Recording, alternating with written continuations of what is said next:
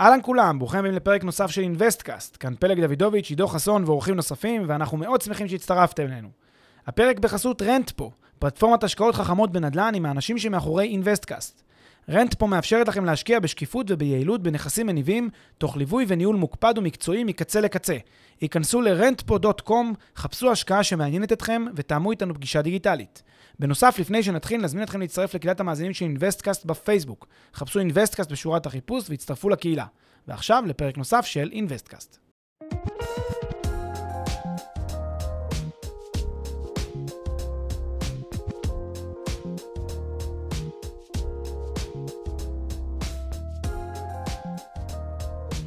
שלום לכולם, אנחנו בפרק 38 של אינוויסטקאסט, והיום אנחנו רוצים לדבר על המושג הכללי שנקרא כלכלת שוק. אה, אנחנו ננסה להסביר אה, איך כלכלת שוק אה, מתנהגת ואיך זה קשור לקבלת החלטות של בני אדם, למוטיבציות של בני אדם, לחקיקה, לרגולציה ולהיבטים אחרים.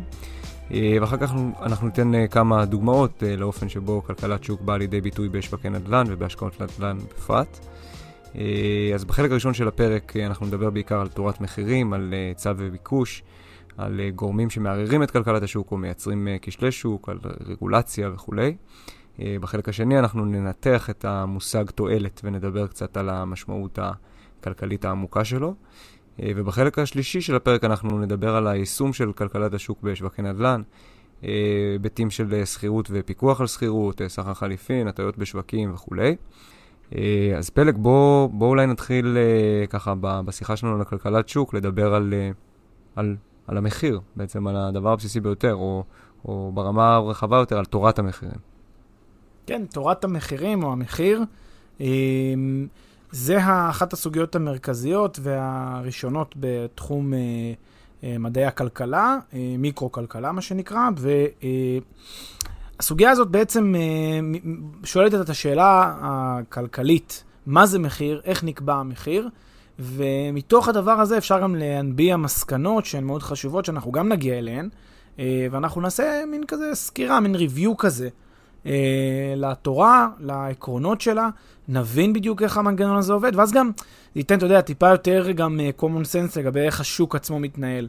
כי אנחנו הרבה פעמים אומרים את זה ששוק הנדל"ן uh, זה שוק שמתפקד בתוך uh, כלכלה. Uh, שוק הנדל"ן הוא בעצמו כלכלה, כלכלה של נדל"ן, אבל הוא גם בעצמו בתוך כלכלה רחבה, uh, והוא מתפקד כמו כל שוק רגיל. Uh, אין סיבה שאנחנו נדע כן, אה, נדע להתנהל בעולם הכלכלי הרגיל ולא נדע להתנהל בעולם אה, הנדל"ן, אה, רק בגלל שזה נשמע לנו טיפה זר או טיפה, טיפה, טיפה אתה יודע, מצריך מחשבה ועומק. אז בשביל זה אנחנו, הפרק הזה נועד כדי לגשר על אותם פערי הבנה וידע בקשר לעולם הכלכלי ואיך מתנהגת, מתנהגת כלכלת הנדל"ן. אז באמת, כמו שהצעת, נתחיל בתורת המחירים. ואני חושב שהדגש הראשון שצריך להגיד אותו הוא שמחירים נקבעים לפי היצע וביקוש. אמ, במובן הזה מחיר הוא given, זאת אומרת הוא נתון. Uh, תמיד uh, מתחילים ככה כשמסבירים, uh, כן, בעולם של מיקרו-כלכלה שמסבירים לסטודנטים איך עובד, איך עובד המחיר, אז מתחילים במסקנה החשובה שהמחיר הוא נתון. אין ליצרן או לצרכן יכולת לשחק עם המחיר, הוא קבוע לו. עכשיו, זה לא ש... כן, תמיד באה השאלה, אבל מה, היצרן בסוף, אה, כשהוא, אה, כשהוא עובר אותו בחור ושם את התוויות של המחיר על המוצרים שלו בסופר, הוא קובע מה יהיה המחיר, הוא קובע אם למכור את השקית במבה בשלושה שקלים או בשבעה שקלים, הוא זה שקובע. עכשיו, נכון שתאורטית הוא יכול לקבוע איזה מחיר הוא מבקש אה, לדרוש על המוצר הזה. מה המחיר שבו הוא יבקש שאנשים יקנו. אבל איך עובד בעצם שוק? לשוק יש שני שחקנים, יש את המוכר ויש את הקונה. אני יכול לכתוב איזה מחיר שאני רוצה, אבל בסוף אם אנשים לא מוכנים לקנות, אז אין עסקה. אז זה לא משנה שהצעתי מחיר מסוים ולא קנו אותו, אה, החשוב הוא אם, אם, אם אני אציע מחיר כזה, שאנשים יהיו מוכנים לקנות בו. עכשיו, זה גם מלמד אותנו את, שיש קשר ישיר בין המוכרים לקונים בשוק. אה, וזה גם אולי אחד הדברים שהרבה פעמים אנשים, אה, אנשים אומרים, מסתכלים על איזושהי מודעת תיווך, אני רואה את זה המון, ואומרים, מה, איך הוא מבקש כזה מחיר על דירה בפתח תקווה, דירה מתפרקת, כזה מחיר הוא מבקש, איזה, איזה. עכשיו, באיזשהו מובן, או, או, או, או, או יותר מזה, אנשים אפילו לוקחים את זה צד קדימה, אומרים, אני רואה את המחירים שיש באתר ההוא, איזה מחירים יקרים, איך אנשים, המחירים נורא יקרים, נורא זה. זה שאנשים מציעים את מרכולתם במחיר יקר, לא אומר בהכרח שזה המחיר שהקונה יקנה, לא בהכרח אומר שזה יהיה המחיר שבו תיסגר העסקה, ולמעשה אם מבינים את הטענה יותר לעומק, אז גם למעשה זה לא בשליטת לא הקונה ולא המוכר. המחיר הוא גיוון, הוא נתון, זה מכונה מחיר שיווי המשקל, תכף נסביר שיווי המשקל של מה, ואותו מחיר הוא זה שבסופו של דבר קובע גם למוכר וגם לקונה באיך תתבצע העסקה הזאת.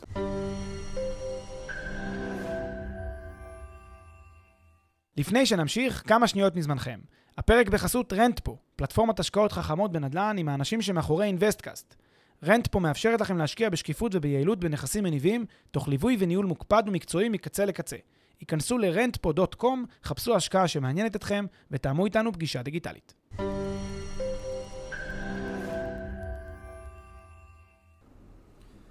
טוב, אז אני, אם אני מחבר את זה טיפה לעולם שלנו, לעולם של נדל"ן, אז אם יש דירה בבעלותי, אתה אומר, אני יכול להציע אותה בכמה שאני רוצה, אבל אנשים יהיו מוכנים לקנות אותה רק במחיר מסוים, שהוא מחיר השוק שלו, מחיר בדיוק. שיווי המשקל שקרה. נכון, נכון. אוקיי, ו- ומזה אנחנו כבר יכולים להבין שיש שני רכיבים שמשפיעים על המחיר, הביקוש וההיצע. נכון, כמה בדיוק. מילים על כל אחד. יפה, אז הביקוש וההיצע הם אותם הדברים שמשפיעים על, אה, על איך ייגבה המחיר הזה בשוק החופשי. אוקיי? כמות הביקוש שיש וכמות ההיצע לאותו מוצר. ביקוש זה כמה אנשים מעוניינים לקנות את המוצר, בין אם זה דירה ובין, ובין אם זה שקית אה, חטיף, חטיף כלשהו. כמה אנשים מעוניינים, זה יכתיב את הביקוש למוצר. בנדל"ן זה כמובן דירות או נכסים אחרים. וההיצע זה אה, כמה נכסים כאלה יש בשוק. אה, מה היצע הדירות שיש בשוק, או מה היצע חטיפי הבמבה שיש בשוק. וממה נגזר כל רכיב כזה? ממה נגזר ההיצע, ממה נגזר הביקוש? אז ביקוש אה, נגזר מהרבה רכיבים, גם ביקוש וגם היצע נגזרים ממספר רכיבים שהם שונים. בואו נציין רק איזה כמה, כדי לתת טעימה, כדי להבין את הרעיון.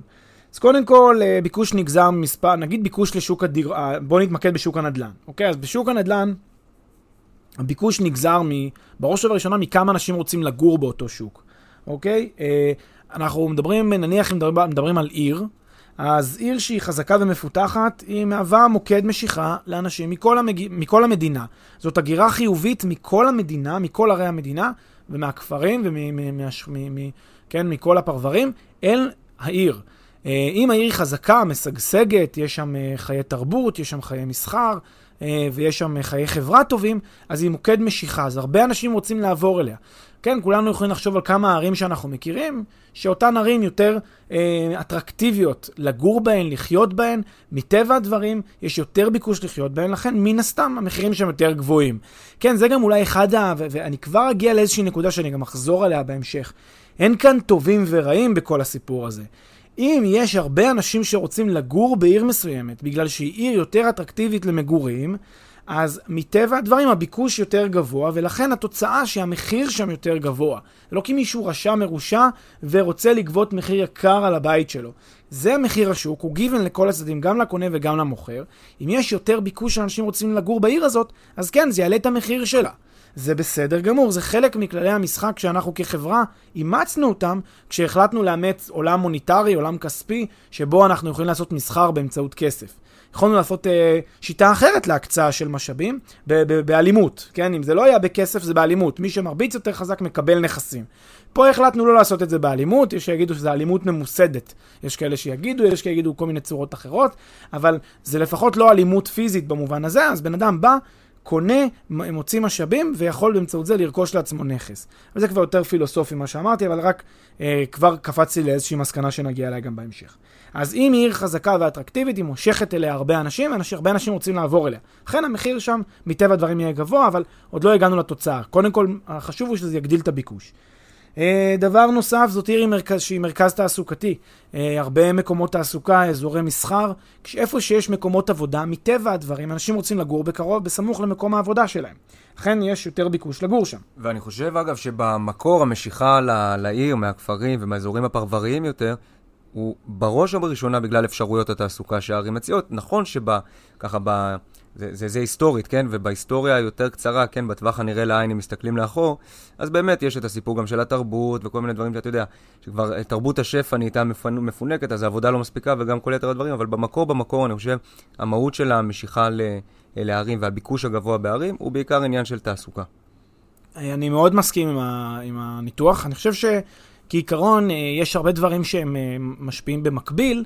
אני חושב שתעסוקה הוא, לכל הדעות דבר שיש לו השפעה חזקה מאוד, אפילו עוד לפני. כן, אם, תקים אה, אזור מסחר ותעסוקה, שהוא יהיה אזור מסחר ותעסוקה שחברות יבחרו להקים שם את המטות שלהם או להקים שם פעילות, מיד זה יכתיב גם אה, אה, שכונות ו, ואזורים שעוטפים את אותו אזור, ובהחלט אני מסכים עם מה שאתה אומר. אה, דבר נוסף, נושא של שיקולי תחבורה וניידות.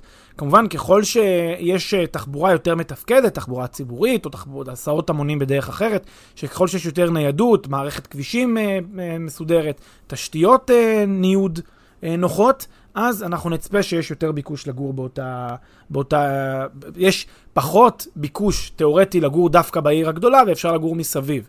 ככל שהתחבורה פחות טובה, אז אנחנו נצפה שיהיה יותר ביקוש לגור במרכז העיר ובכלל בעיר, אה, על פני אה, עיר אחרת. כי יותר קשה להגיע כמובן לאותם מקומי, מקומות עבודה. ונזכיר גם נושאים של איור, וההפך של זה שזה פרבור. בעצם אנחנו רואים ככל שיש יותר מגמה של איור, אה, אז, אה, אז, אז אנחנו נזהה שיש תנועה לתוך הערים, ככל שיש יותר מגמה של פרבור הפוך. אה, ובכלל גם היבטים יותר כלליים ברמת המדינה, היבטי הגירה. כלומר, עצם העובדה שאנשים עוברים אל מדינות ממדינות אחרות, אז אותן מדינות שעוברים אליהן, אז אה, כן, יש יותר אנשים שחיים שם, אז כן, אז זה גם גורם ליותר ביקוש אה, לגור בכל אחת מהערים שלהם, או לפחות ברוב הערים שלהם גם יחד, וזה מגדיל את הביקוש. אוקיי, okay, אז אתה אומר שהביקוש נגזר מרכיב ראשון שדיברת עליו, זה כמה אנשים רוצים לגור במקום הזה, כמה אנשים רוצים לגור בעיר הזאת לצורך העניין. מה עוד? ממה עוד נגזר הביקוש? אז uh, מעבר לאלה שרוצים לגור בעיר, יש גם את אלה שרוצים להשקיע בעיר. Uh, שוק הנדל"ן הוא שוק uh, כלכלי uh, עסקי שאפשר להשקיע בו, שוק uh, שניתן uh, לקנות נכסים לא רק למגורים, uh, ואפשר גם להשקיע לשם, uh, כן, לקנות לשם השקעה. Uh, שוק של שכירות בעצם. Uh, ככל שהשוק יותר אטרקטיבי מבחינת התשואות, מבחינת הביטחון, הסולידיות שלו, יכולת מציאת השוכרים וכולי, כך אה, אנחנו נצפה שיהיה יותר ביקוש למשקיעים לקנות. אגב, בישראל קרתה תופעה קצת שונה במובן הזה, נוצר שוק אה, שכירות אה, חזק, שאחת הסיבות לו היא לאו דווקא בגלל, או בהכרח בגלל שזו מדינה שראו אותה מלכתחילה כמדינה מאוד טובה, שזה גם נכון, ראו אותה ככזאת, אבל זו לא הסיבה היחידה. הרבה יהודים זרים רצו לתפוס אחיזה בישראל, מבחינתם היה אה, לקנות אה, נכסים כאן בארץ וכמה שיותר, העיקר שיהיה להם פה איזושהי אחיזה, לשמר איזשהו קשר עם הציונות ועם מדינת ישראל, ואז הם קנו כאן דירות להשקעה. אז הנה סיבה שהיא תרבותית, אולי סיבה אקסטרנית מסוימת, שלא כל כך כלכלית במובן הכי צר של המילה, למרות שאנחנו תכף נסביר שהיא דווקא כן כלכלית, לקנות, להשתתף בשוק המגורים, אבל לא בצד של לגור, אלא בצד של להשקיע. אגב, יש גם הרבה דירות רפאים, שזה מעין לא למגורים ולא להשקעה, זה בעיקר סתם להחזיק נכס, רק כדי שיהיה לך את האחיזה. אמ, אז זה סוג, הסוג השני, שזה כמות האנשים שרוצים להשקיע. ככל שיש יותר משקיעים שרוצים להיכנס לעיר, ככה אנחנו נצפה שיהיה יותר ביקוש. אה, נעבור להיבט השלישי. אז ההיבט השלישי זה כמות התיירים שמגיעה למקום. אה, חשוב לומר שבשנים האחרונות חלה מהפכה רצינית בשוק המגורים בכל העולם, בעקבות, אה, כן, פלטפורמות התיירות, ה-short rentals, אה, נכסים הוסבו, הופנו ממגורים לתיירות, והדבר הזה יצר עודפי ביקוש לנכסים באופן מלאכותי, כי זה פשוט גרם מהשוק עצמו הרבה מאוד נכסים שהיו אמורים להיות מיועדים למגורים, הפנה אותם ל-short rentals. וזה נובע בגלל שיש גם הרבה תיירים. אז ככל שיש יותר תיירים, אז יש, פשוט מפנים יותר דירות, מסבים אותם לתיירות, ומה שקורה זה מקטין את היצע הדירות, לפחות ברמה המיידית, אה, הזמינות להשכרה, וזה גם מגדיל אה, את הביקוש אה, לדירות במקביל, כי אנשים רוצים, כן, יש יותר תיירות, יש יותר תעסוקה, יש יותר מסחר, אז גם אנשים רוצים לגור שם. אז נושא של תיירות גם מגדיל את הביקוש וגם מקטין את, הביצה, את ההיצע בעת ובעונה אחת. והדבר האחרון שצריך לומר אותו, גם נושאים של היבטי השקעה וצריכה הם גם כן משקיעים, משפיעים. ככל שיש לנו יותר, אה, כן, משטר ריבית אפסי, משטר ריבית נמוך, אנחנו נזהה שיש יותר ביקושים לקנות נכס להשקעה, כי אה, הוא פשוט אלטרנטיבה לחיסכון ולפנסיה טובה יותר מאשר אה, השוק הפיננסי. אוקיי, אז אם אני מסכם את הנקודה הזאת, אז ביקוש נגזר ממספר רכיבים, בין היתר כמה אנשים רוצים לגור במקום, כמה אנשים רוצים להשקיע במקום, כמה תיירים מגיעים למקום, בעיקר אה, בהתחשב בפלטפורמות היחסית חדשות אה, שמנגישות מאוד את אה, שוק המגורים המקומי, או עשו עליו איזה סוג של הסבה לשורט רנטלס. ודברים מהסוג הזה, והיבטי צריכה, חיסכון, השקעה, כמו שאתה מדבר, משטרי ריבית וכולי. ממה נגזר היצע בשוק המגורים? או בשוק הדיור בכלל? כן, היצע נגזר אה, בראש ובראשונה מכמות היזמים שפעילה בשוק. אה, שוק שיש בו הרבה שחקנים גורם ליותר אנשים אה, לרצות ליזום, יש יותר תחרות. יוזמה היא מנוע צמיחה של משק. חשוב להבין את זה. כשיש הרבה יזמים שמתחרים בשוק, הם יותר יצירתיים, הם יותר דוחפים, הם יותר מש, מש, משקיעים כסף, משקיעים אנרגיה וזמן כדי שהתוכניות שלהם יאושרו, אה, ולפעמים כמו ש... כן, כמו שבמדינתנו אנחנו מכירים את זה היטב, שלפעמים מי שדופק על השולחן יותר חזק מצליח. אה, זה קורה בעיקר בשווקים שיש בהם באמת אה, יזמות ענפה, אז יזמות משפיעה על ההיצע מאוד. ככל שיש יותר יזמים, אנחנו נצפה שיהיה יותר היצע בשוק, וככל שיש פחות יזמים, אנחנו נצפה שיש פחות היצע בשוק. דבר נוסף זה עד כמה השוק עצמו מעודד מגורים. אמ, יש שווקים שפשוט מעודדים אה, מסחר ותעסוקה על פני מגורים. אה, זה נובע מכל מיני שיקולים של ארנונות, אה, הרבה ביקורת יש על זה מבחינה ציבורית, על זה שהארנונה למגורים יותר זולה לעירייה מאשר ארנונה לעסקים ולמסחר, ולכן הנטייה הטבעית של ערים היא, לאוש... היא לאשר תוכניות למסחר ותעסוקה, דבר שגורם לכך שיש פחות מוטיבציה ל... לאשר תוכניות למגורים. עכשיו גם תחשבו את ההיגיון של זה, גם העירייה לא רוצה שתהיה צפיפות מאוד גדולה של אנשים שחיים בעיר, כי צפיפות יוצרת פקקים, יוצרת עומס, יוצרת בעיות של זמן, יוצרת בעיות תברואה, יוצרת בעיות של תשתיות שצריך לספק. היא מעדיפה שיהיה את האפקט של היוממות, שהרבה אנשים באים במהלך היום, קונים, צורכים אוכל, צורכים שתייה, חיים, מוצאים כסף, אבל בסוף חוזרים הביתה שלהם איפה שהם גרים. אז המוטיבציה כמעט הראשונית של עיר היא לאשר הרבה יותר תעסוקה ומסחר, אם היא יכולה, על פני מגורים. אה, לכן ככל שהשוק יותר מעודד מגורים, אנחנו נצפה שיהיה יותר היצע של דירות, ולהפך, ככל שהשוק פחות מעודד מגורים, נצפה לפחות היצע של דירות. אה, היבטים נוספים זה היבטי תכנון ובנייה, מה שציינתי כרגע, כל מיני שיקולים של תשתיות. אה, ככל שהשוק יותר מתאים, יש תשתיות יותר איכותיות, אז יש יותר אפשרות להציע מגורים. ככל שפחות, אז אנחנו נראה פחות כמובן. אה, ושני אלמנטים חשובים נוספים שנכנסים כאן זה רמות המחירים אה, בשוק, ה... בשוק ה construction, שוק הבנייה. אה, ככל שעלויות הבנייה יותר גבוהות, ככה מטבע הדברים זה משפיע על המוטיבציה של יזם להיכנס ל... ל... ליזמויות. יש לו פחות רווח שולי על כל עסקה, ולכן, שוב, בהנחה שהמחיר הוא given, ולכן הדבר הזה גורם לכך ש...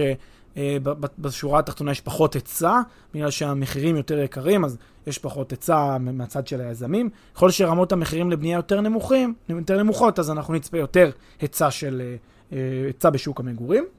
וגם רמות המחירים הכלליות, ככל שאנחנו נראה שהשוק יש בו יותר, כן, יותר כסף לצריכה, יותר כסף פנוי לאנשים, הכנסה פנויה ודברים מהסוג הזה, אז זה מגדיל גם את המוטיבציה של יזמים אה, ליצור, אה, כן, משפרי דיור, לבנות דיור חדש, אה, כן, לחדש את הערים, ליצור איזושהי התחדשות, כי יודעים שיש לאנשים עכשיו כסף פנוי, ואחד הדברים שאנשים יעשו כשיש להם כסף פנוי זה שידרגו את רמת החיים ויעברו לדירה חדשה. אז זה גם משפיע כמובן בתורו על ההיצע, בנוסף לכך שזה גם משפיע על הביקוש. אוקיי, אז אנחנו מבינים שההיצע והביקוש בעצם מייצרים איזה מין אה, סוג של אה, שתי עקומות, עקומת ביקוש ועקומת היצע. אה, בואו תנסה להסביר ככה בכמה מילים בזריזות איך זה, איך זה נראה בעולם של כלכלה ומה המשמעות של זה, ואפרופו נקודת שיווי המשקל שהתחלת לדבר עליה קודם. אוקיי, אז um, בגדול, הרעיון של עקומות הביקוש וההיצע זה uh, שני גרפים שמתלבשים על מערכת צירים, כן, מה שאני אומר עכשיו אולי יישמע מפחיד לחלק מהאנשים, למרות שאנחנו יודעים שיש לנו המון טכנולוגים ומהנדסים שביומיום שלהם הם מתעסקים בזה, אז אנחנו, עבור המאזינים האלה זה, אני אסביר פה משהו שהוא קצת אה, ידוע, אבל לפחות עבור השאר, בעצם מערכת צירים שכוללת את ציר ה-Y וציר ה-X, הציר האנכי והציר האופקי, כשהציר האנכי אה, זה בעצם המחיר, הפרייס, הציר האופקי זה ה-quantity, הכמות. ובעצם מערכת הצירים הזאת היא Q כפונקציה של P, הכמות כפונקציה של המחיר. מה זה בעצם אומר? זה בעצם אומר כמה יחידות יימכרו וייוצרו כתלות במחיר. עכשיו, אה, לא צריך להבין את, ה, את המתמטיקה הגרפית הזאת אה, כדי להבין את האינטואיציה, או כדי, כדי להבין איך האינטואיציה הזאת עובדת. בואו נדבר רגע על עקומת הביקוש. עקומת הביקוש היא עקומה שהולכת ויורדת. באיזה מובן היא הולכת ויורדת? ככל שהמחיר עולה, אוקיי? ככל שהמחיר עולה, ככה יהיה פחות יחידות שאנשים יהיו מוכנים לקנות. זה גם uh, די טריוויאלי. Uh, ככל שה... Uh, נגיד השקית במבה עולה 4 שקלים, יותר אנשים רוצים לקנות אותה. אבל אם השקית במבה עולה uh, 8 שקלים, פחות אנשים רוצים לקנות אותה. כמובן, אם, אם זה לא אינטואיטיבי מספיק, תחשבו על זה שמה אם שקית במבה תעלה 400 שקל. אם היא עולה 400 שקל, אף אחד כנראה לא ירצה לקנות אותה. אלא אם כן אנשים ממש רוצים לאכול עכשיו במבה. Uh, ויש מקרים שזה גם קורה. אבל בגדול, אה, ככל שהמחיר עולה, ככה הכמות שרוצים, ליצ... שרוצים לקנות אותה, לצרוך אותה, הולכת וקטנה. אה, מצד שני, גרף ההיצע, גרף הפוך, שאומר את הדבר הבא, ככל שהמחיר עולה, ככה היצרן רוצה לייצר יותר יחידות, אוקיי? יש לו עניין לייצר יותר יחידות כי הוא מפיק אה, הכנסה גבוהה יותר מכל יחידה אה, נוספת שהוא מייצר, ולכן יש לו עניין לייצר כמה שיותר יחידות במחיר הכי גבוה שהוא יכול. כן, אז זה די, די אינטואיטיבי במובן הזה, אה, ולכן אנחנו, ה-vice versa של זה זה ככל שה... לגבי עקומת הביקוש, ככל שהכמות עולה, ככה המחיר ירד, וככל, בגרף ההיצע, ככל שהכמות עולה, ככה המחיר יעלה. אז אלה שתי תמונות הרי של בעצם אותן עקומות. מה, מה זה בעצם אומר כל מה שהרגע אמרתי? מה זה בעצם אומר? זה אומר שיש לנו עקומה אחת שהולכת ויורדת, עקומה אחת שהולכת ועולה, שתיהן מונחות על אותן מערכת, על אותה מערכת צירים של אה, אה, כמות כפונקציה של המחיר, ויש איזושהי נקודה שבה שני הקווים האלה, כן, דמיינו שני קווים שהולכים אחד יורד ואחד עולה, הם ייפגשו באיזושהי נקודה. הם ייפגשו שם. וזה השיווי משקל. אבל עוד לפני שאני אה, אדבר על שיווי משקל, אני רק רוצה לומר איזושהי הערה אחת חשובה לגבי הקשיחות. יש דבר שנקרא קשיחות העקומה. קשיחות העקומה זה אומר שהיא קבועה, כלומר העקומה הזאת היא קבועה. עכשיו, הרבה אנשים חושבים לגבי שוק הדיור, למשל, שהגרף הוא קשיח. מה זה אומר? שהביקוש הוא מאוד מאוד אה, חזק ועוצמתי. זאת אומרת שגם אם המחיר יהיה מאוד מאוד גבוה, אנשים תמיד יקנו. או בשכירות, שגם אם המחיר יהיה מאוד מאוד גבוה, אנשים תמיד יקנו, כי תמיד אנשים יצטרכו לגור בתל אביב לצורך העניין. עכשיו, זאת כמובן טעות. גם הגרף הכי הכי, אה, אה, הכי, הביקוש הכי גדול שאתם יכולים לחשוב עליו בעולם, דירה במרכז, בפריים פריים פריים לוקיישן של ניו יורק, גם לה יש גבול עליון למחיר. ולא רק שיש לה גבול עליון למחיר, הוא גבול עליון למחיר, הוא גבול כמו של כל שוק אחר, כמו של מחיר של במבה. עכשיו, זה שהוא רחוק מהיכולת של הרבה אנשים לשלם, זה לא הופך את הגרף הזה לקשיח. זה לא אומר דבר על זה. זה פשוט אומר שהסקאלה, הסקאלות הן יותר גבוהות ממה שהרוב יכול לשלם אותן. וזה חלק מה, מהמשחק, כי כולם רוצים לגור שם. זה לא אומר שאין לזה גם גרף ביקוש והיצע. וזו טעות שהרבה אנשים חושבים עליה, הם מניחים, כן, אני אקנה היום דירה בתל אביב, לא משנה מה יהיה המחיר שאני אדרוש, יהיה מי שיקנה. אבל זה טעות, זה ממש טעות. תשאלו אנשים, גם, גם חלקנו וכל מי ש, שנמצא כאן שהוא בעל דירה, כל מי שמאזין לנו, שהוא בעל דירה, מנסה למכור את הדירה שלו 50% מעל המחיר שהוא מנסה, שהוא חושב שהיא שווה, מי יקנה? אף אחד לא יקנה ממנו. זאת אומרת, אנחנו רואים שיש גבול לכמה אנשים מוכנים לשלם, הגרף הוא לא קשיח. אז זו טעות נפוצה שכדאי להדגיש אותה. אבל. השאלה היא אחרת, השאלה היא לא מה יקרה אם מישהו ינסה למכור את הנכס שלו ב-50% מעל הערך שלו בשוק, אלא מה יקרה אם כל אותם אלה שמחזיקים נכסים במרכז ניו יורק, או במרכז תל אביב, או במרכז חדרה, לא משנה מה, יעלו את המחיר. גם במקרה הזה, כמות האנשים שיהיו נכונים, כמות, הב...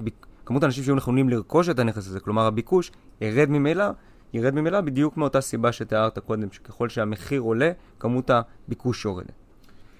הנקודה גם היא, היא יותר, יותר מורכבת, זאת אומרת, אם נניח עכשיו כולם מתאמים, כל המוכרים בעולם שיש להם דירות, מתאמים מחיר, מחליטים אנחנו עכשיו לא מוכרים ב-30,000 שקל למטר, אלא ב-32,000 שקל למטר, אוקיי? עכשיו, מה זה עושה? קודם כל, יהיה פחות מוטיבציה של אנשים לקנות, כמו שאמרנו, פחות אנשים ירצו לקנות, אה, כי המחיר יהיה יותר יקר. ושנית, ויותר חשוב מכך, זה גם לא מאוד ריאלי המהלך הזה. זה יותר חשוב. אי אפשר יהיה באמת להבטיח שהם יתאמו את המחיר ויגיעו ל-32,000, כי מיד אחד מהם יהיה מספיק חכם ויגיד, רגע, למה אני צריך עכשיו לרוץ עם כולם ל-32? בואו נמכור ב-31,900. אז, אה, ואז הוא יצליח כן למכור, ואז יבוא אחד אחרי רגע, הוא מכר, בוא נריד 31,800, ואז שוב נתכנס חזרה ל-30,000. זאת אומרת, אין לזה התכנות לאורך זמן, לא ניכנס פה, גם היבטים של הגבלים עסקיים כשדובר במספר שחקנים מצומצם, אבל לא יקרה, פשוט זה לא יכול להיות שמהלך מתואם של מוכרים להעלות את המחיר, כמו שבדיוק יש מהצד השני, כשאנשים אומרים אל תקנו דירה בתל אביב, יש כאלה אומרים מחאה לא לקנות דירה בתל אביב. מנסים לתאם ביניהם לא לקנות דירה בתל אביב, זה לא יצליח כ- כ- כסטנדרט, זה דבר שהוא קשה מאוד, כי תמיד יהיה מי שיתפתה ויקנה במחיר ש- שהוא רוצה. טוב, אז אתה אומר ברמה התיאורטית ככה זה אמור לעבוד, כן? ככל שכולם יעלו את המחיר, באופן עקרוני ירדו כמות האנשים שרוצים לקנות, אבל אתה אומר זה לא דבר שיקרה, כי תמיד יבוא החכם שיגיד אני מוכר בקצת פחות, ועדיין מפיק את הרווח שאני יכול להרוויח אם אני אמכור את זה במחיר השיווי המשקל המקורי, כן? נכון מאוד. יפה, טוב, אז אם כבר דיברנו, נגענו עכשיו בשיווי משקל, וגם קצת נגעת בו קודם, אז בעצם זו הנקודה שבה אה, נפגשים הגרף של ההיצע והביקוש, ובאותה נקודה נקבע המחיר, ועכשיו כל השחקנים בשוק כפופים לו. אבל למה כל השחקנים כפופים לו? בוא, בוא תסביר רגע למה המחיר הוא given, מה שקראת בתחילת הפרק. יפה, אז זה, זה, זה גם מתכתב עם הנקודה האחרונה, מה שאמרתי. אמרנו שיש את המפגש של הביקוש וההיצע. הם נפגשים באיזושהי נקודה שהיא נקודת האקוויליבריום, נקודת שיווי המשקל של הביקוש וההיצע. עכשיו, באותה נקודה, כל השחקנים בשוק כפופים למחיר הזה. וזה דבר שקשה מאוד אינטואיטיבית לאכול אותו, כי אנחנו כאילו חושבים כל הזמן מה אם אני אציע יותר גבוה ומה אם יהיה מישהו ש... בואו נחשוב רגע על הממוצע, על, על הכלל, על רוב האנשים. רוב האנשים יהיו כפופים למחיר הזה שהוא מחיר שיווי המשקל. באיזה מובן? אם מישהו מהם ירצה להעלות את המחיר אפילו ב-2% יותר גבוה, הוא לא ימצא מי שיקנה. למה? כי אנשים לא רוצים לשלם 2%, כל אחד רוצה לשלם פחות. אז מיד אנשים ישבו, יגידו, רגע, למה הוא לוקח לי 32 אלף למטר וליד קונים לי ב-30 אלף, מוכרים לי ב-30 אלף? אז אם אין הצדקה לגבות יותר את ה-32, אני בחיים לא אסכים לשלם 32. אני אסכים לשלם 30, ולכן מלכתחילה המחיר של ה-30 הוא אותו מחיר שגם אני אשחק לפיו, גם המוכר ישחק לפיו. אין לו טעם, אלא אם כן, שוב, במקרים מאוד חריגים הצלחנו למצוא פה איזה מישהו שקונה, שם איזה מישהו שקונה, קצת מעל המחיר, קצת מתחת למחיר, motivated seller, motivated buyer, זה מקרים חריגים ומאוד מאוד נדירים. הכלל הגדול הוא שאף אחד לא יזרוק כסף על הרצפה ויחכה שאני ארים אותו. המחיר הוא מחיר שנקבע על ידי השוק, ואנחנו כשחקנים בשוק בסך הכל כפופים למחיר הזה בצורה נורא נורא פשוטה. כן, והנקודה של uh, מעל או מתחת לנקודת uh, שיווי המשקל מתקשר מאוד לפרק שעשינו לפני, uh, לא יודע, שלושה חודשים, משהו כזה, בקשר למה שנקרא מתחת למחיר השוק, לסיסמה מתחת למחיר השוק, אז מומלץ להאזין גם לפרק הזה בהקשר הזה. אבל בוא, בוא נאתגר רגע את, ה, את המודל. אם אני יזם ואני בונה הרבה דירות, ואני רוצה למכור אותם במחירים שהם נמוכים מנקודת שיווי המשקל, רק במטרה להתחזק ולהתחזק ולהתחזק, ואחרי שאני כבר מאוד חזק, להתחיל למכור אותם במחיר יקר יותר, ואתה יודע, להשתלט על השוק בדרך הזאת. זה דבר שאפשר לעשות? אז קודם כל, אה, צריך להבחין פה בין אה, שני אה, שחקנים. אם אתה שחקן שהוא ריכוזי, או שאתה אפילו מונופול, אז הנושא הספציפי הזה של הורדת מחירים חזקה ועוצמתית, זה נקרא מחירים טורפניים, וזו פרקטיקה שהיא אסורה ואתה חשוף לסנקציות. אבל בואו נדבר על היזם הצעיר, מה שנקרא. אותו יזם שמנסה למכור uh, מתחת למחיר כדי uh, להצליח uh, למכור בהשוואה למתחרים. אז קודם כל אין בזה שום דבר רע. אבל יש לזה גם היגיון כלכלי בפני עצמו, וחשוב לומר שגם לגביו זה מחיר השוק, וזו נקודה מאוד מאוד חשובה. כשיש לנו מצב שבו נכס נמכר, בוא נניח עכשיו אני יזם גדול בישראל, אני בונה הרבה דירות ויש לי מוניטין של עשרות שנים פה בשוק, ואני מוכר ב-30 אלף שקל למטר. עכשיו, אנשים קונים אצלי בגלל שיש לי מוניטין, בגלל שיש לי ניסיון, ויודעים שאצלי יש גרנטי לכסף, וברוב הסיכויים אני אצליח לסיים את הפרויקט והכל טוב. עכשיו מגיע יזם צעיר, בלי ניסיון, זה פרויקט ראשון, שני בשוק, לא מספיק מנוסה, אבל הוא מוכר ב-24,000 שקל למטר. אוקיי? הוא מוכר משמעותית יותר זול, עשרות אחוזים פחות. האם אתה חושב שהוא מוכר במחיר שהוא שונה ממחיר השוק? אז התשובה האינטואיטיבית היא להגיד כן, ברור, כי הנה, מישהו אחר מוכר ב-30,000 והוא השוק, הוא, הוא כאילו גם השוק. התשובה היא לא, שניהם מוכרים במחיר השוק. רק שיש במקרה הזה שני סוגים של שווקים פה. יש שוק אחד לדירות מיזמים מובילים, ויש סוג אחר של שוק שזה דירות מיזמים לא מובילים, יזמים בלי ניסיון. ואותן דירות שאני קונה מיזמים שהם ללא ניסיון, מגלמות בתוכן הרבה מאוד סיכונים שאין לי עם יזמים עם ניסיון. לכן זה שוק טיפה שונה, טיפה יותר מאתגר. לכן, נכון, אני אשלם פחות בסוף כסף מהכיס, אבל זה לא קיבלתי את זה בחינם. אני מקבל את זה בתמורה לכך שאני חושף את הכסף שלי לסיכונים יותר גבוהים. לכן שניהם מוכרים בדיוק במחיר השוק, ואין כאן מכירה טורפנית אמיתית. שוב, בהנחה שאותו יזם צעיר לא עכשיו ימכור בחינם, אה, וממש ינסה איכשהו לגנוב לקוחות, אבל גם אז, תחשוב על זה ככה, עידו, זה לא יחזיק לאורך זמן. הרי יש גבול, זה כמו חברה של אה, בתי קפה, שמוכרת לך עכשיו אה, כוס קפה, אה, קפוצ'ינו, במחיר נמוך, מסוים. אז אתה רואה שאחרי איקס זמן הם חייבים להעלות את המחיר. אחד, כי המודל הזה לא מחזיק זמן, לא מחזיק מעמד לאורך זמן. שתיים, אתה רואה שפתאום יש uh, לחץ שמתחילים להפסיד וזה לא מצדיק, אין, אין התכנות כלכלית. זאת אומרת, אי אפשר לשחק עם המחירים שהוא כמה שרוצים. אפשר לנסות תקופה, זה לא יחזיק מעמד לאורך זמן. גם ראית את הביקורת הציבורית שהייתה על בית קפה שעשה את זה, שניסה לעשות את זה. רק עוד נקודה אחת שאני רוצה לפני סיום לציין אותה, והיא בקשר לשאלה של מהו מחיר השוק והאם יש רווח ברכישה במחיר השוק. כי הרבה מאוד אנשים אה, עוסקים בדרך כלל בשאלה, או בטענה שכדאי לקנות מתחת למחיר השוק, כי, במחיר, כי כשקונים מתחת למחיר השוק בהכרח מרוויחים, וכשקונים במחיר השוק אז לא יודע, אפילו לא, לא מעלים על הדעת, אבל צריך לומר משהו חשוב. כל המוצרים האחרים שאנחנו קונים ביום יום שלנו, אנחנו קונים אותם במחיר השוק. ואין בזה שום דבר פסול. במחיר השוק יש הרבה מאוד רווח. אם אתה יודע לפעול נכון, יש רווח גם במחיר השוק. עכשיו, לפני שנגיע לנקודה של התועלת, שגם היא מסבירה הרבה מהטענה הזאת, חשוב להגיד שני דברים חשובים לגבי אפילו רכישה במחיר השוק, ולמה היא כשלעצמה מגלמת רווח. אחד, משום שאפשר להפיק יתרון על ניהול נכון. שתיים, משום שאפשר להפיק יתרון על יתרון לגודל, מעצם זה שאתה גדול. ושלוש, וזאת הנקודה שאני מיד מגיע אליה, הנושא של תועלת. עצם העובדה שאני קונה משהו ששווה 100 ואני משלם עליו 100, לא אומר שאני מאוזן.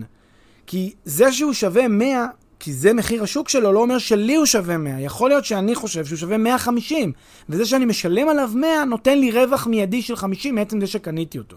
לכן הנקודה הזאת היא נקודה מאוד חשובה, וכשנדבר עכשיו על התועלת אנחנו גם יותר נסביר אותה. אז רגע אחד לפני שאנחנו מגיעים באמת לתועלת, בואו נדבר על uh, דברים שקצת מעוותים את הנקודת שיווי המשקל הזאת במפגש שבין היצע לביקוש, כשלי שוק. נכון, אז כשלי שוק זה באמת אה, אחד הדברים שהכי הרבה מאתגרים את המודלים הכלכליים, משום שהם כשמם כן הם כשלים של השוק. כלומר, השוק הכלכלי לא מתפקד כפי שציפינו, ויש איזשהו כשל. עכשיו, אה, מקובל לחלק, אנחנו לא ניכנס לזה כאן, את כשלי השוק לכל מיני צורות וכל מיני סוגים, אבל צריך לומר שכשלי השוק הם אלה שגורמים לעיוותים לפעמים. וכנגד כשלי שוק נותנים איזשהם פתרונות ש... אחד הפתרונות שאפשר להציע לכשלי שוק הוא איזשהו סוג של רגולציה. שוב, זה לא צריך להיות רגולציה לשם הרגולציה, זה צריכה להיות רגולציה כדי לפתור את כשל השוק. אבל הרעיון הוא שכשלי שוק הם בדרך כלל הבסיס לכך שיש uh, מחאות ציבוריות, שאנשים כועסים, שאנשים uh, מתוסכלים, זה הרבה פעמים נובע בגלל כשלי שוק. אחד הדברים, בואו בוא ניתן דוגמה אולי קצרה למספר כשלי שוק uh, ספציפיים. אז אחד זה פערי ידע. אם אנחנו מדברים על שוק שהוא משוכלל, אבל אולי הוא לא הכי משוכלל שאפשר, עדיין קיימים פערי ידע מסוימים בין המוכרים לקונים. הדבר הזה גורם לכך שיש עיוותים מסוימים. למשל, שהמחיר לא ברור, שה, שהאיכות של הנכסים לא ברורה. כן, קח דוגמה, מה שאנחנו אוהבים לציין אותו כל פעם, אה, דירות יד שנייה בשוק. אפילו קח את השוק הכי משוכלל שאתה יכול לחשוב עליו, עדיין, איך אתה יודע מה יש בתוך הקיר? כלומר, אתה צריך אמצעים מסוימים שהעלות שלהם יקרה כדי לברר מה יש בקיר, טרמיטים, נזילות, עובש, אתה לא רואה את הכל גם בסריקה. וגם אם אין לך, אתה יודע, הכלים שיש לך היום יקרים, לא בהכרח מצדיקים שתקנה את הדירה בהתחשב בכל הכלים שאתה צריך להפעיל כדי לבדוק מה יש בתוך הקירות. ולכן, זה פער ידע שהוא קצת מעוות את המודל הבסיסי שהרגע ציינו. Uh, עכשיו, אני אגיד כבר עכשיו הערה, זה שיש פערים מסוימים וכשלי שוק מסוימים, לא מיד לא אומר אוטומטית שאנחנו חייבים לפתור אותם. כי כל פתרון גם לא יש עלות. לפעמים צריך לאזן בין העלות של הפתרון של הבעיה לבין עלות הבעיה. צריך להחליט מה עדיף. אולי כבר עדיף שתהיה את הבעיה הקטנה הזאת, שהיא לא דרמטית, אבל לא להשקיע בפתרון רק בגלל שאנחנו רוצים לפתור איזושהי בעיה שקיימת. אז זה גם דבר שצריך לקחת בחשבון. אה, דבר נוסף זה נושא של זמן, שוק הנדל"ן זה שוק שיש בו הרבה מאוד עסקאות תחת לחץ, אה, הרבה מאוד, אה, כן, הרבה מאוד מתחרים על אה, דירה להשכרה בתל אביב, אז כולם מגיעים בבת אחת וצריכים להחליט בזמן מאוד צפוף. עכשיו, זה, זה פער אמיתי, זה נוצר בגלל זה שיש המון אנשים שרוצים לשכור דירה, ואין להם את היכולות, כן, עכשיו, את הפריבילגיה להתחיל לבדוק את כל הדירה. הרבה אנשים נכנסים לדירה, סיבוב של עשר שניות וסוגרים. זה פער שהוא כשל שוק מאוד חמור בשוק הנדל"ן. Uh, עוד uh, כשל שוק שיכול להיכנס כאן זה היבטים פסיכולוגיים, כל מיני הטיות נורמטיביות, בעיות uh, שאנחנו מבחינה פסיכולוגית uh, לחוצים, דואגים, uh, uh, עושים עסקאות בלחץ, יש איזושהי תחושה של בועה, זה גם uh, אה, גורם זרז לפעולות לא, לא נכונות, או הפוך, אפקט העדר, שהרבה אנשים מסתערים על איזשהו שוק, שוק סתם בגלל שהוא נהיה טרנדי, ואז אה, גורמים לכך שכן, אה, אה, כולם מזרימים ביקושים ללא שיש לזה הצדקה כלכלית. כל הדברים הללו הם כשלי שוק שגורמים לכך שלפעמים השוק לא מתפקד כמו שצריך. Uh, והם לפעמים גם מה שגורמים לביקורת ולבקשות לרגולציה, שוב, כאמור, לא תמיד זה מוצדק. אז נגעת בנקודה האחרונה, uh, ברגולציה. יש, מה, מה עושים באמת בהקשר הזה של כשלי שוק? מי מתערב? מה מתערב? תמיד זה נכון? לא תמיד זה נכון? תראה, אני חושב שזה מצדיק אה, דיון בפני עצמו ולהבין את הרגולציות אה, יותר אה, לעומק. אנחנו נתייחס בעיקר, אני חושב, עכשיו. מספר נקודות ספציפיות שאני חושב ש... לא עכשיו, כלומר, כשנגיע לחלק של היישומים, נתייחס למספר נקודות ספציפיות שכדאי להתייחס אליהן, אה, פיקוח על שכר דירה, דברים מהסוג הזה, אז בואו נשאיר את זה לחלק האחרון של הפרק. סבבה. אז בואו נדבר על uh, תועלת, מה שהתחלת לומר לפני שהתחלנו לדבר על כשלי שוק. בואו, מונחים uh, כלליים שקשורים לתועלת, ו- ונגלוש משם הלאה. אוקיי, אז תועלת. אה, חשוב שנבין את השדה. אנחנו עכשיו בעצם צוללים לעוד היבט של אה, כלכלת הנדל"ן, וזה המונחים תועלת, עלות אה, ותוחלת, שהם מונחים מאוד חשובים שכדאי להכיר אותם. אז קודם כל, תועלת זה קריטריון למדידת הנאות. זה כמו איזשהו סרגל, שאני שם על הסרגל הזה הרבה מספרים, ודרך המספרים האלה אני יכול לקבוע כמה יחידות תועלת יש לי מאיזושהי פעולה. כמה יחידות תועלת הפקתי מאיזושהי פעולה, אוקיי? עכשיו, זה כמו סרגל כמותי כזה, אני מודד. אז אני יכול להגיד, זה מניב לי 5 יחידות תועלת, דבר אחר מניב לי 20 יחידות תועלת, וכך הלאה. עכשיו, תועלת אה, מתחלקת לשני סוגים של תועלות. תועלת אחת היא תועלת כספית, שזה כמות הכסף, ותועלת שנייה זה תועלת רגשית. מה זה רגשית? זה כמה הנאה אני מפיק מבחינה, מבחינת הרגש. עכשיו, חשוב לומר ששניהם זה בדיוק אותו דבר, כי באמצעות כסף אני יכול לרכוש הנאות מסוימות, וזה בסוף מה שאני רוצה, לה, להפיק כמה שיותר הנאה. עכשיו, המונח תועלת הוא גם זה שמסביר לנו לפעמים למה הרבה אנשים עושים דברים שנראים לנו כאילו לא רציונליים. זה נקודה חשובה שהרבה אנשים לא לוקחים מספיק בחשבון. תועלת כוללת גם את הכסף, אבל גם את ההנאה הרגשית, לא רק את החומרית. הצד השני של התועלת זה העלות. העלות זה בעצם ההפך מתועלת, זה הפסד של תועלת. כמובן שיש עלות שהיא כספית, הוצאה כספית של כסף, וגם אובדן תועלת. אם אני מוציא כסף, אז יש לי פחות כסף שאני יכול להפיק באמצעותו תועלת. זה המשמעות של בעצם עלות. אני פחות אה, אה, נהנה, פחות יכול ליהנות, פחות יכול לרכוש דברים, אה, וזה גורם לי להפסד של אה, תועלת. ההפרש בין התועלת לעלות זה הרווח שלי, זה אותה, או כמה אני מעריך את המוצר. אה, זה גם מתכתב עם מה שאמרנו קודם לגבי מחיר השוק. אה, כשאני קונה במחיר השוק, עצם העובדה שזה המחיר שאני משלם אותו, זה העלות שלי. עכשיו נשאר לשאול מה התועלת שאני מפיק מאותו מחיר. התועלת פחות העלות, יהיה הרווח שלי מאותו מוצר. למשל, אם אני אוהב, נגיד, אה, דוגמה מספרית, אם אני אוהב לטייל בארצות הברית, זה מסב לי תועלת של 5,000 וזה עולה לי 2,000. אוקיי? עכשיו, גם להגיד 5,000, שוב, זה, זה מין סרגל. לא, לא תמיד קל לשים את האצבע בדיוק כמה תועלת אני מפיק, אבל זה רעיון, אוקיי? ת, תחשבו על זה במובן כזה של לנסות לחשוב כמה הייתם מוכנים לשלם אם היו לוקחים מכם את הפריבילגיה הזאת. כמה הייתם מוכנים להוציא אם היו לוקחים מכם את הפריבילגיה הזאת. או אה, נגיד אתם ראיתם שכרטיס הטיסה עולה, לא יודע מה, 2,000 כולל הכל, וכמה הייתם מוכנים לשלם עם, עם, כמחיר עליון. אז כנראה שהייתם מגיעים ל-5,000 במקרה הזה. הייתם, 5,000 אני לא מוכן לשלם כבר, זה 4,999 כבר כן. אז בעצם זה הרעיון של התועלת, המוכנות לשלם, והעלות זה כמה באמת זה עולה בפועל לפי מחיר השוק, וההפרש בין התועלת לעלות זה הרווח. אז במקרה הזה הרווח שלי מהטיול הוא 3,000. עכשיו חשוב לשים לב, כאן אני קונה במחיר השוק את הכרטיס. שוב, אני לא מנסה להפיק רווח עודף. על הכרטיס. אני... ו- ולנסות לקנות מתחת למחיר השוק את כרטיס הטיסה. אני קונה אותו במחיר השוק שלו ומפיק עדיין רווח. זה מתכתב עם הנקודה שאמרתי קודם אה, לגבי רכישה במחיר השוק. אה, אותו דבר אם אני קונה דירה להשקעה במחיר 100, כשאני חושב שהיא צריכה להיות שווה בעוד שנה 120, אז יש לי כאן רווח של בערך 20 אלף, כן? אני צריך להבין את זה, אבל יש לי כאן רווח של 20 אלף. קניתי במחיר השוק 100, אני מפיק, צופה להפיק 20 בעוד שנה, אז יש לי כאן 20 אלף מהובנים, שזה בעצם הרעיון אה, של, אה, של הנושא הזה. טוב, אז אחרי שאנחנו מבינים את המונחים הבסיסיים בעולם הזה של אה, תועלת, תועלת, עלות, רווח וכולי, והבנו את ההיגיון באמצעות הדוגמה, בואו טיפה נעמיק וטיפה נדבר על אה, שני עקרונות שנובעים מאותה הבנה של, של ההפקה של התועלת של צרכנים. בואו נתחיל אולי מתועלת שולית פוחתת. כן, תועלת שולית פוחתת זה עיקרון אה, חשוב, אבל הוא לא, לא מאוד אה, מהותי מבחינת ה, אה, מבחינתנו כמשקיעים. הרעיון הכללי של תועלת שולית פוחתת אומר שככל שאני, אה, יש לי יותר כסף בכיס, ככה אני מפיק פחות יחידות תועלת על כל שקל נוסף. כן, דמיינו כמה שווה מנת פלאפל לאדם אה, עני, שידו אינה משגת, וכמה שווה מנת פלאפל לאדם מאוד מאוד עשיר. מטבע הדברים, אה, כל אחד יעריך את האמנה הזאת באופן אחר לגמרי, וזה בדיוק המשמעות של התועלת. התועלת השולית הפוחתת. אני אפיק פחות תועלת מכל שקל נוסף כשיש לי, כשאני אדם עשיר. אז זה עיקרון שכדאי להכיר אותו, אנחנו גם מזכירים אותו לפעמים בקטע של, בהקשר של תפוקה שולית פוחתת שאני מפיק על נכסים ודברים מהסוג הזה. פעם עוד נרחיב על זה יותר אה, לעומק. והעיקרון השני שביקשת שנתייחס זה נושא עקרון התוחלת. בעצם עקרון התוחלת אה, נועד לגשר על פערים של זמן, פערי עיתוי. אני יודע היום אה, מה, מה, מה המצב שלי היום, אני לא יודע מה יהיה בעתיד. לגבי העתיד שוררת אי ודאות. זה הטבע של עולם ההשקעות. ולכן, בגלל שיש לי משהו, איזשהו תרחיש שיקרה בעתיד, אין לי ודאות לגבי ההתרחשות שלו וההתממשות שלו.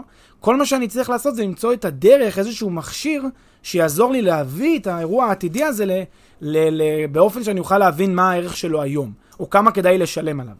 עכשיו, איך עושים את זה? עושים את זה באמצעות תוחלת. תוחלת זה סוג של מחשבון כזה. אני לוקח את התועלת מהפעולה, לוקח את העלות שלה, וכופל בהסתברויות שהם יקרו, ואז סוכם את הדברים, בודק כמה יצא הסכום של זה כדי לבדוק בדיוק אה, כמה זה אמור להיות ב, אה, תחת היום, כשיש לי אי ודאות, כמה זה אמור להיות שווה לי כדי שאני אדע כמה אני צריך לשלם. אוקיי? ניתן דוגמה כדי להראות כמה זה גם אה, פשוט ואינטואיטיבי, וגם הרבה אנשים עושים את זה גם ככה בראש. אבל כדאי גם להבין את ה... לפחות אה, את, ה, את השורשים המתמטיים של זה, כדי שגם תוכלו להבין איך לעשות את זה יותר טוב בצורה מדויקת בעתיד. אז אה, למשל, אם יש נכס שעולה 100 אלף דולר, אני משער שב-40 אחוז, אז uh, הנכס הזה יעלה ל-150 אלף דולר, הוא עולה היום 100 אלף דולר ויעלה ל-150 אלף דולר בסיכוי של 40 אחוז, ובסיכוי uh, של 30 אחוז השווי שלו יישאר אותו דבר, המחיר שלו יישאר אותו דבר, וב-30 אחוז הנכס ירד בערכו ל-80 אלף דולר. אוקיי, אז יש לי פה שלושה תרחישים, על, עלה ל-150 אלף דולר, נשאר 100 אלף דולר, או ירד ל-80 אלף דולר, בסיכוי של 40, 30 ו-30 אחוז. אלה הסיכויים. עכשיו, מה עוזר לי קריטריון התוחלת? הוא אומר, תשמע, תכפול כל אחד מהתרחישים האלה בהסתברות שלו, ותקבל את המשוקלל, את, ה, את התועלת המשוקללת, את המחיר המשוקלל שאתה צופה לנכס הזה אה, בעוד שנה לצורך העניין. ואז תבדוק האם שווה לך לשלם עליו את מה שאתה רוצה לשלם עליו היום, שזה 100. אז אם אני עושה את זה, אני כופל 40% כפול 150, 30% כפול 100 ו-30% כפול 80, אני אקבל שהסכום של המספרים האלה ייתן לי 114,000. 114,000 יותר גדול מ-100,000, זאת אומרת שהיום כדאי לשלם 100,000 בשביל לקבל משהו שיגיע ל-114 בעוד שנה. אוקיי, כמובן אני מתעלם פה מהיוונים וערך הזמן, אבל זה רק להמחיש את האינטואיציה. הרעיון הוא שהתוחלת מאפשרת לי לנטרל את אלמנט אי-הוודאות ולהגיע למונחי זמן שאני יכול להתמודד איתם היום בתחשיב שלי. טוב, אז לקראת סיום בואו נדבר על uh, יישומים של כל מה שדיברנו עכשיו בשוק הדיור בישראל, שוק דיור בחו"ל, שוק שכירות uh, בארץ ובחו"ל, פיקוח על שכר דירה, שהזכרת במהלך הפרק, דברים נוספים. כן, אז uh, באמת ההקשר הרחב של מה שאנחנו מדברים uh, בכלכלת נדל"ן זה, שוב, אותו רעיון של מנגנון המחירים והמנגנון של התועלת והתמחור uh, והתוחלת. אז לדברים האלה יש כמה היבטים, שאנחנו ניגע בהם באמת בקצרה, אבל רק כדי לתת, לסבר את האוזן. אז קודם כל, בכל מה שקשור למחירים, אנחנו מבינים לפחות שהתערבות בשווקים, אה, על דרך של ניסיון לשחק עם המחיר של המוצרים, היא לא בהכרח הדבר שיוביל לתוצאה שלו. כן, בואו ניקח את שוק השכירות. יש מדינות שהן מנסות להנהיג משטר של פיקוח על שכר דירה. משטר של פיקוח על שכר דירה אומר בוא נתערב במחיר השוק של השכירות. נוריד את מחיר השוק של השכירות או נגביל אותו, כך שאי אפשר יהיה להעלות אותו. מאיזה עיקרון זה מתעלם? זה מתעלם מהעיקרון שבעצם מחירים נקבעים על ידי השוק. הם גיוון, הם נתון לשוק. אי אפשר לבוא ולהנחית לשוק כל מיני אלמנטים שהמטרה שלהם זה להקפיא את המחירים. זה מהלך שהוא כאילו מצטייר טוב, אבל אם חושבים עליו צעד אחד לעומק, הוא לא פותר את הבעיה. כי הרי מה הבעיה כשיש מחירים יקרים לאנשים? שיש עודפי ביקוש על ההיצע, שהרבה יותר אנשים רוצים לקנות מאשר יש היצע. לכן המחירים עולים ועולים. אם אתה בא ועוצר את, ה, את המחיר על איזשהו רף, לא פתרת את הבעיה של עודפי הביקוש על ההיצע. אתה סתם יצרת מצב, ש... מין עיוות כזה. סתם יצרת מצב שבו פשוט במקום לשלם מחיר מסוים, ישלמו מחיר אחר. להפך, יש הרבה יותר ביקוש, כי שוב, הקטנת את המחיר של אה, ממחיר שיווי המשקל שאמור היה להיות למחיר אחר, אז עכשיו יש גם הרבה יותר ביקוש במחיר הספציפי, זוכרים את הגרף של הביקוש כפונקציה של הכמות, אז עכשיו המחיר יותר נמוך, הרבה יותר רוצים לקנות, ולכן לא פתרת את הבעיה, רק הגדלת את הביקושים, עיוותת את השוק, וגם פגעת בהיצע. עכשיו ההיצע, מי זה ההיצע? זה בסוף או משקיעים, או יזמים, או שחקנים אחרים שגם להם יש רצונות, וגם הם שחקנים בשוק הזה, ואיך הם נפגעים? הם נפגעים מזה שהגבלת להם את היכולת בעצם לדרוש מחיר בעבור העלויות שלהם. עכשיו בוא נניח שגם יש מחירי בנייה שעולים, בוא נניח שיש רמות מחירים כלליות שעולות, הרבה דברים קורים בשוק. בן אדם שהגבילו אותו, הוא לא יכול לגבות את המחיר שהוא רוצה. בשלב הזה הוא יוצא מהשוק. ומה עשינו? בטווח הרחוק, מה שלא רואים, הקטנת את כמות האנשים שרוצים להשתתף בשוק הזה. לכן, בהקשר של מנגנון המחירים, כל נושא של פיקוח על מחירים, פיקוח על שכר דירה, פיקוח על מחירי הרכישה, לעיתים עשוי ליצור בעיות שלא שמים לב אליהם, לא מבחינים בהם במבט ראשון, ויש להם, את ה, להם את המחיר שלהם, זאת אומרת, אתה כאילו מרוויח פה הון פוליטי מצד אחד כי הגבלת את המחיר ונתת מענה לאיזושהי קבוצה של אנשים, אבל מצד שני, פגעת מאוד בקבוצה אחרת, וגם בקבוצה הראשונה פגעת, לפחות בטווח הרחוק. אה, דבר נוסף שצריך אה, כיישום, הייתי אומר, זה הנושא של אה, שווקים שהם מוטי רגולציה, או שווקים שהם מוטי תנאים. עכשיו, ככל שיש רגולציה, היא, הרגולציה יש לה, שני, יש לה שני, שני פעולות שהיא עושה. אחת היא יכולה ליצור, לפתור כשלי שוק, אבל השנייה היא יכולה ליצור סרבול ובעיות ולגרום להאטה בשוק. עכשיו, תמיד צריך ליצור את הבלנס הנכון, שבין מצד אחד לרצות לפתור את הכשלים ולפתור את הבעיות, ומצד שני ליצור בעיות אחרות. אנחנו לא רוצים, מטבע הדברים, אה, שאנחנו נחסוך 100, אבל נשלם 101. לא עשינו בזה כלום, שילמנו יותר. אנחנו כשמסתכלים על זה כמתכנן חברתי, אנחנו רוצים שהשוק יהיה כמה שיותר יעיל, שיפיק כמה שיותר תועלת. לכן אנחנו לא רוצים שפתרון מצד אחד ייצור בעיה מצד אחר ויגביל את הפעילות. איפה כן בדרך כלל הרגולציה יכולה לשחק תפקיד חשוב? בהקשר למה שציינו קודם לגבי הכשלים של למשל של הידיעה. אם בן אדם לא יודע מספיק, רגולציה יכולה ליצור מצב שהיא כופה גילוי, שהיא כופה דרישות גילוי, למשל חוק החוזים, שהוא חוק שקובע הוראות של גילוי לצד השני במשא ומתן, איסור הטיה, אה, כל מיני חובות של תום לב שצריך להפעיל במהלך עסקה, ולכן אם אני עכשיו בעלים של דירה ואני רוצה למכור אותה, אני מחויב לפי חוק החוזים לגלות לצד השני הרבה דברים על הנכס. חייב לגלות לו, למסור לו באופן אקטיבי מידע. והרעיון של זה הוא באמת אה, לעודד אותי אה, עם סנקציה לצידה, כן? עם סנקציה שאני אחטוף אם אני לא אעשה את זה, לעודד אותי לתרום ליעילות, לתרום לשקיפות, לתרום להגברת המידע בשוק. אה, ולכן במובן הזה רגולציה היא כן יכולה להיות אה, אה, חיונית, כן יכולה לסייע לתפקוד אה, תקין בשוק, אה, וכן יכולה להתמודד עם ה... עם הבעיות במובן הזה. אז הנה יש, יש פה שני היבטים שבאמת היישום שלהם, היישום הפרקטי, אה, נותן להם מענה, אני חושב, נכון. אז אתה אומר, באמת נתת דוגמה אחת לשוק שהוא מוטה רגולציה במובן השלילי, כמו הסיפור של אה, פיקוח על שכר דירה. אה, שלפחות אה, מסתכלים על זה ברמה התיאורטית הכלכלית, אז יש היגיון בלומר שבטווח הארוך זה פוגע בשני הצדדים, גם בהיצע וגם בביקוש, ומה שבהכרח נכון זה שזה מעוות את התמונה הטבעית של ההיצע והביקוש במקום הספציפי שבו מוכלת הרגולציה הזאת, ודוגמה מצד שני למקרים שבהם רגולציה כן יכולה לתקן את כשל השוק, ודווקא להביא את נקודת שיווי המשקל למקום הטבעי שבו היא נמצאת. אה, ויש המון המון המון דוגמאות כאלה, גם בשוק הדיור בישראל אפשר לחשוב על כל מיני תוכניות, אה, כן, אה, מדיניות שהן טובות יותר, טובות פחות, תלוי מי מסתכל על זה ומה, ומה עמדתו ביחס אליהן, אבל מה שבטוח זה התערבות, רגולציה במחירי שיווי המשקל הטבעיים בשוק. וזהו. עוד, עוד משהו מעניין? כן, אני חושב שבאופן כללי, כשאנחנו מדברים על, על אה, התערבויות, וצריך תמיד להניח שכולנו בסופו של דבר יש לנו את אותה מטרה, כן? המטרה של כולנו היא שיהיה טוב לחיות כאן ויהיה לכולם חיים טובים ושלווים. אין אנשים, אני לא חושב שאנשים רעים.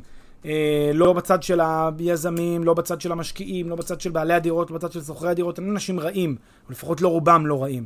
לכן השיח היצרי והשיח, כן, הניצי בין שוכרים לבעלים, בין יזמים לקונים, הוא שיח שהוא לא תמיד נכון, הוא מתעלם מה, מהתמונה הרחבה יותר, צריך תמיד להסתכל על דברים בצורה הרבה יותר מפוקחת. ובנימה אופטימית זאת. להתראות בפעם הבאה. נחתום את הדיון בעניין הזה ונתראה פעם הבאה. תודה, עידו. תודה.